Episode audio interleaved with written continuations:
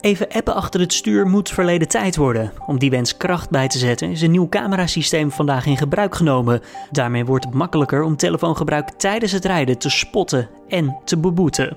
Dit wordt het nieuws. Uh, ze staan op viaducten. Loodrecht naar beneden maken ze foto's, waardoor je echt kan zien dat mensen die in de auto zitten met hun telefoon bezig zijn.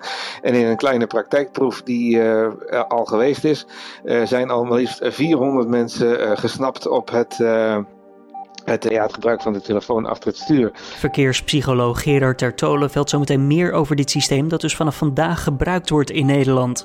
Maar eerst kort het nieuws van nu. Mijn naam is Julian Dom en het is vandaag maandag 16 november. Dit is de Dit wordt het nieuws middagpodcast. Het coronavaccin dat farmaceut Moderna ontwikkelt, is volgens de eerste onderzoeksresultaten voor bijna 95% effectief. Volgens Moderna zijn er geen grote problemen aan het licht gekomen tijdens het testen van het vaccin.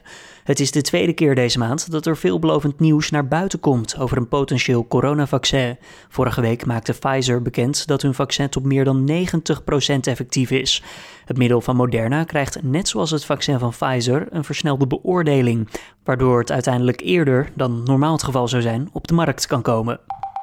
Het RIVM meldt maandag 4873 nieuwe positieve tests. Dat is een behoorlijke afname ten opzichte van zondag, maar wel een lichte stijging ten opzichte van vorige week maandag. Na de tijdelijke verzwaring van de gedeeltelijke lockdown op 2 november begon het dagelijkse aantal nieuwe besmettingen een daling in te zetten. Vorige week stopte die afname eventjes en vanaf woensdag nam het dagelijks aantal besmettingen weer toe, om in het weekend vervolgens weer iets te dalen. Black Friday, de laatste dag van november, was vorig jaar in veel steden de drukste dag van het jaar in de winkelstraten. Dit jaar wordt dat bijna de helft minder druk. Dat voorspelt bureau RMC, dat via sensoren de drukte in winkelstraten meet. Traditioneel waren de vrijdag en zaterdag voor kerst de drukste dagen van het jaar. Maar die positie is in veel steden inmiddels overgenomen door het uit de VS overgewaaide koopjesfestijn. Dat het dit jaar minder druk wordt, heeft alles te maken met de coronamaatregelen, waardoor het al maanden rustiger is in de binnensteden. De kakapo is voor de tweede keer de vogel van het jaar geworden in Nieuw-Zeeland. De met uitsterven bedreigde papegaaiensoort leverde deze ongeëvenaarde prestatie na een door fraude geteisterde stembusgang. Het beestje, dat ook wel de machtige moskip genoemd wordt, kan niet vliegen en is een nachtdier. Kakapo's zijn de zwaarste en langst levende papegaaien ter wereld. En nu is de kakapo dus voor de tweede keer de vogel van het jaar in Nieuw-Zeeland. De ministerraad is akkoord gegaan met het benoeming van Henk van der Zwan tot ambassadeur in Suriname. Dat meldt het ministerie van Buitenlandse Zaken. Van der Zwan is al sinds 1 september tijdelijk zaakgelastigd in Paramaribo. De benoeming wordt pas definitief als de Surinaamse regering ook instemt met de keuze van het kabinet. En bij een goedkeuring heeft Nederland voor het eerst sinds 2017 weer een ambassadeur in Suriname. Dan over naar ons gesprek van deze maandagmiddag. Automobilisten die hun telefoon gebruiken achter het stuur worden met een nieuw camerasysteem vanaf vandaag sneller beboet. Deze slimme camera's fotograferen de voertuigen en sturen die beelden door naar het Centraal Justitieel Incassobureau, mogelijk bekend van de paarswitte enveloppen. Bij het CEIB wordt vastgesteld of een bestuurder daadwerkelijk een telefoon gebruikte, waarna vervolgens een boete van 240 euro uitgeschreven kan worden. Deze nieuwe manier van controleren moet het vervolgens ook makkelijker maken om appen tijdens het rijden aan te pakken. Ik praat erover verder met verkeerspsycholoog Gerard Tertolen. Meneer Tertolen, voordat we het over dat nieuwe camerasysteem uh, hebben, wil ik eerst eventjes naar het gebruik van de telefoon. Want waarom blijven mensen ondanks campagnes en waarschuwingen toch dat apparaat gebruiken tijdens het rijden? Ja, daar zijn eigenlijk een paar factoren voor verantwoordelijk. Ten eerste zijn we allemaal erg nieuwsgierig en heel erg bang om dingen te missen. Dat heet officieel de fear of missing out. Dat als er een berichtje binnenkomt en je reageert niet meteen, dat, dan eigenlijk, uh, ja, dat je dan eigenlijk te laat bent. En, die, en dat zorgt ervoor dat mensen toch meteen die telefoon willen grijpen. En tegelijkertijd achter het stuur uh, ja, voelen we ons allemaal heel erg uh, zeker. We voelen ons allemaal de beste chauffeur van Nederland. Hè. We leiden enorm aan zelfoverschatting uh, als we op de weg zitten. Dus ja, dat belemmert ons ook al niet. En dan is het ook nog eens een keer zo dat uh, het sociaal niet echt wordt afgekeurd. Want als je aan mensen vraagt, is het verstandig, dan zegt iedereen meteen nee. Maar als je vervolgens wat doorvraagt, dan blijkt dat toch ontzettend veel mensen het gewoon doen. En dan denk je van ja, als iedereen het doet, waarom zou ik het niet doen? En dan hebben we nog de pakkans. Uh, ja, je hebt ook niet het gevoel dat je echt een grote kans hebt om gepakt te worden door de politie. Dus eigenlijk zijn er dan voor mensen die het willen doen geen belemmeringen. Wat over die pakkans gesproken, op welke manier werd nou vooraf dit nieuwe camerasysteem nou gecontroleerd op het gebruik van je mobiele telefoon in het verkeer? Ja, eigenlijk maar heel weinig. En uh, vooral als het dan de auto betreft, dan uh, ging het, ja trouwens de fiets ook hoor, dan ging het echt over staande houdingen. Dus je moest eigenlijk door de politie uh, ter plekke betrapt worden. En dan zou je vervolgens staande worden gehouden en dan kreeg je een bekeuring. Maar ja, dat gebeurt natuurlijk heel weinig. zoveel politie is er niet op de weg. Dus dan heb je ook niet het gevoel dat je grote kans loopt om betrapt te worden. Ja, nou dan nu deze nieuwe camera's. wat is het precies en hoe werkt het eigenlijk? Ja, nou er waren wel eerder camera's al in omloop waarmee we appen achter het stuur gingen aanpakken. Dit zijn nieuwe camera's, die komen uit het buitenland en daar zijn ze echt heel effectief. Uh, ze staan op viaducten, loodrecht naar beneden maken ze foto's, waardoor je echt kan zien dat mensen die in de auto zitten met hun telefoon bezig zijn. En in een kleine praktijkproef die uh, al geweest is, uh, zijn al maar liefst 400 mensen gesnapt op het het, ja, het gebruik van de telefoon achter het stuur. Je krijgt dan een foto thuisgestuurd waarop dat zichtbaar is. Uh, die is geblurred, want in privacy uh, aspecten zie je niet wie het is. Maar wel degelijk dat er iemand in jouw auto zit die de telefoon gebruikt, achter het stuur. Ziet zo'n camera dan ook het verschil tussen nou, een telefoon en bijvoorbeeld een koffiebeker of een chocoladereep? Ja, precies dat, juist dat. Want dat is inderdaad het grote probleem. Uh, als je vooral mensen ook staande hield vroeger, dan zeiden mensen van ja, dat was helemaal niet mijn telefoon, dat was een kammetje of wat dan ook.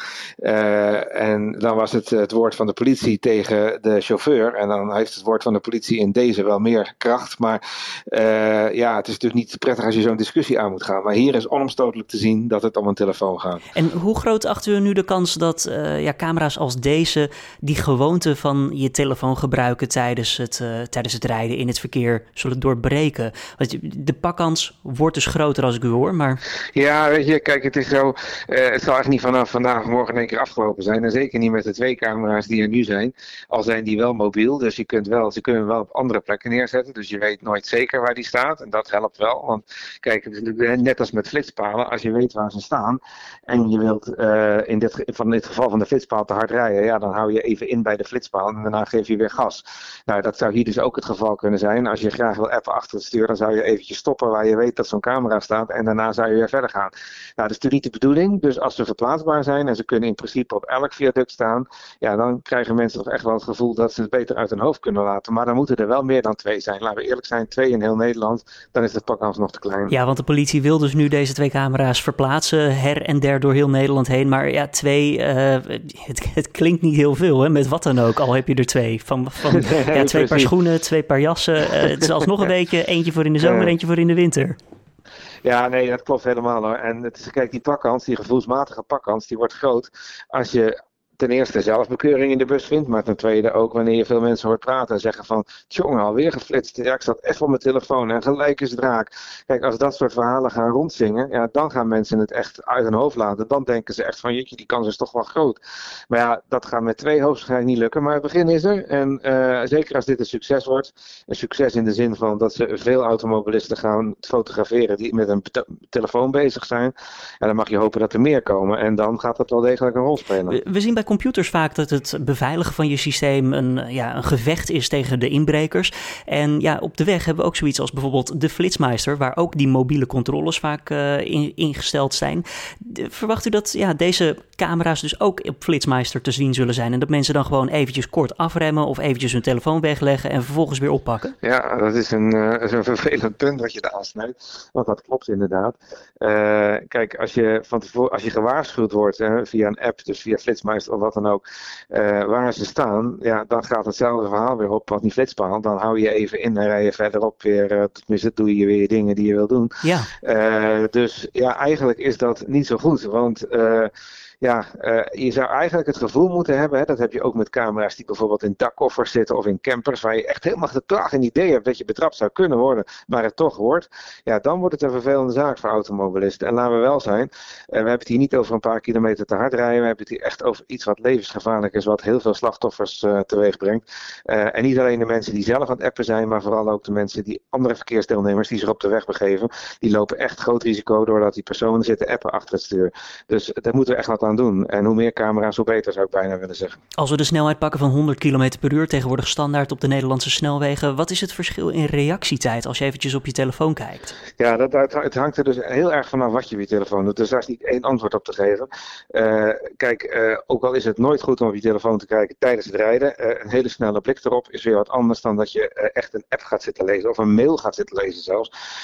of daarop gaat reageren. Dat is dan nog erger. Dan als, je, als je gaat reageren op een mail of een, of een app, dan ben je dus echt volledig met je bezig met al je aandacht op het schermpje. Je hele hersencapaciteit wordt eigenlijk ingenomen door die activiteit met die telefoon.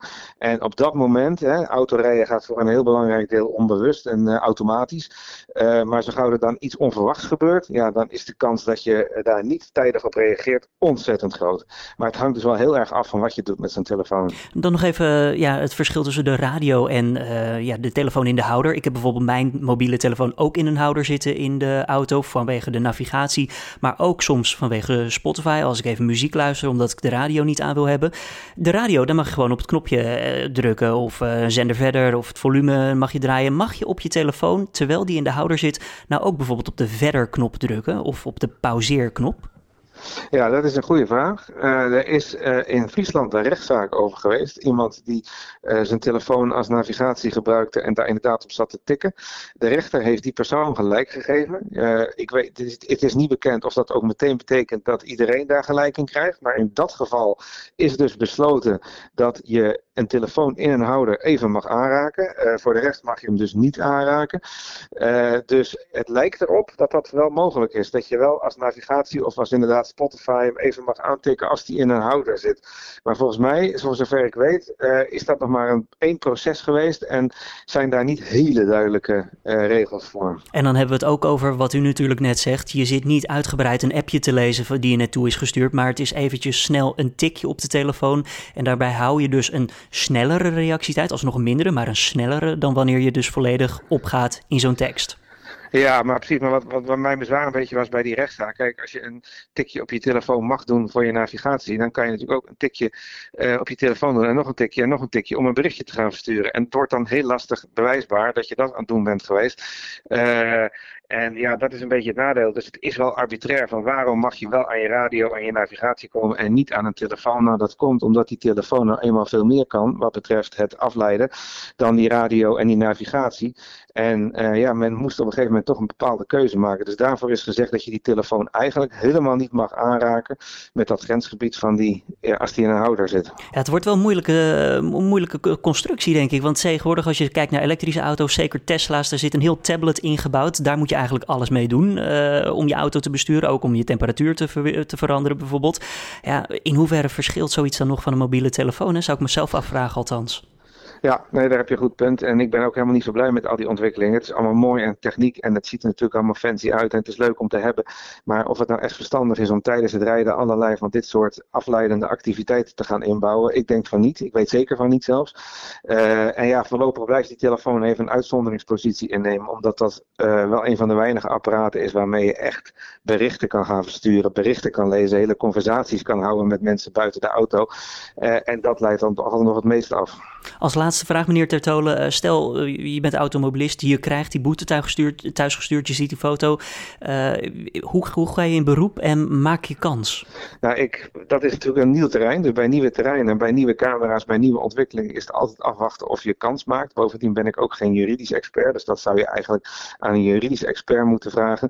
Vooralsnog denk ik dat je heel weinig kans maakt, omdat het, die foto's die zijn echt heel scherp en die, die, die stellen onomstotelijk vast dat er iemand in je auto zat. Dan kan je natuurlijk nog gooien, ja, maar dat was ik niet, want mijn auto was uitgeleend. Maar dan zegt men, ja, dat is jammer. Dan heb jij de verantwoordelijkheid voor die persoon die je auto heeft geleend. Uh, dat is allemaal wel afgedekt. Dus ik vermoed dat je heel weinig kans hebt. Maar ja, zoals bij alle bekeuringen, je kan het natuurlijk altijd proberen. Verkeerspsycholoog Gerard Tertola, hartelijk dank voor deze toelichting en uw tijd. Graag gedaan. Oké, hoi hoi. Dan nog eventjes het weerbericht. De bewolking overheerst en vooral in het binnenland komt er een enkele bui voor. In het noordwesten schijnt ook af en toe nog even de zon. De temperatuur die ligt tussen de 11 en 13 graden. Vanavond verandert er weinig en in de nacht kan hier en daar ook nog eens wat regen vallen. De minima komt uit tussen de 7 en 10 graden. Dan kijken we naar morgen. Veel bewolking en in het noorden vooral wat regen. Met 13 graden is het uh, ja, wat aangenamer dan op de maandag. En om af te sluiten, André Hazes die draagt geen sieraden meer sinds Gordon eind september in dienstwoning overvallen werd. Dat vertelde de 26-jarige zanger maandag in de 538-ochtendshow. Hazes zegt dat zijn sieraden niet meer thuis liggen, maar nu zijn opgeslagen in een kluis bij de bank. De zanger vindt het uh, triest dat criminelen ervoor zorgen dat je niet meer kunt doen wat je wil. Eind september werd Gordon mishandeld en beroofd in zijn eigen appartement. Er is inmiddels al een aanhouding verricht in die zaak. En dit was dan de Dit Wordt Het Nieuws middagpodcast van deze maandag 16 november. Heb je tips of feedback? Laat het weten. Stuur dat toe via podcast.nu.nl. Mijn naam is Julian Dom. Ik hoop dat je weer genoten hebt van het nieuws deze middag op nu.nl. Mocht je meer willen weten, check dan vooral de site of de app. En morgenochtend om 6 uur ochtends ben ik er weer voor de ochtendeditie van deze podcast. Tot dan.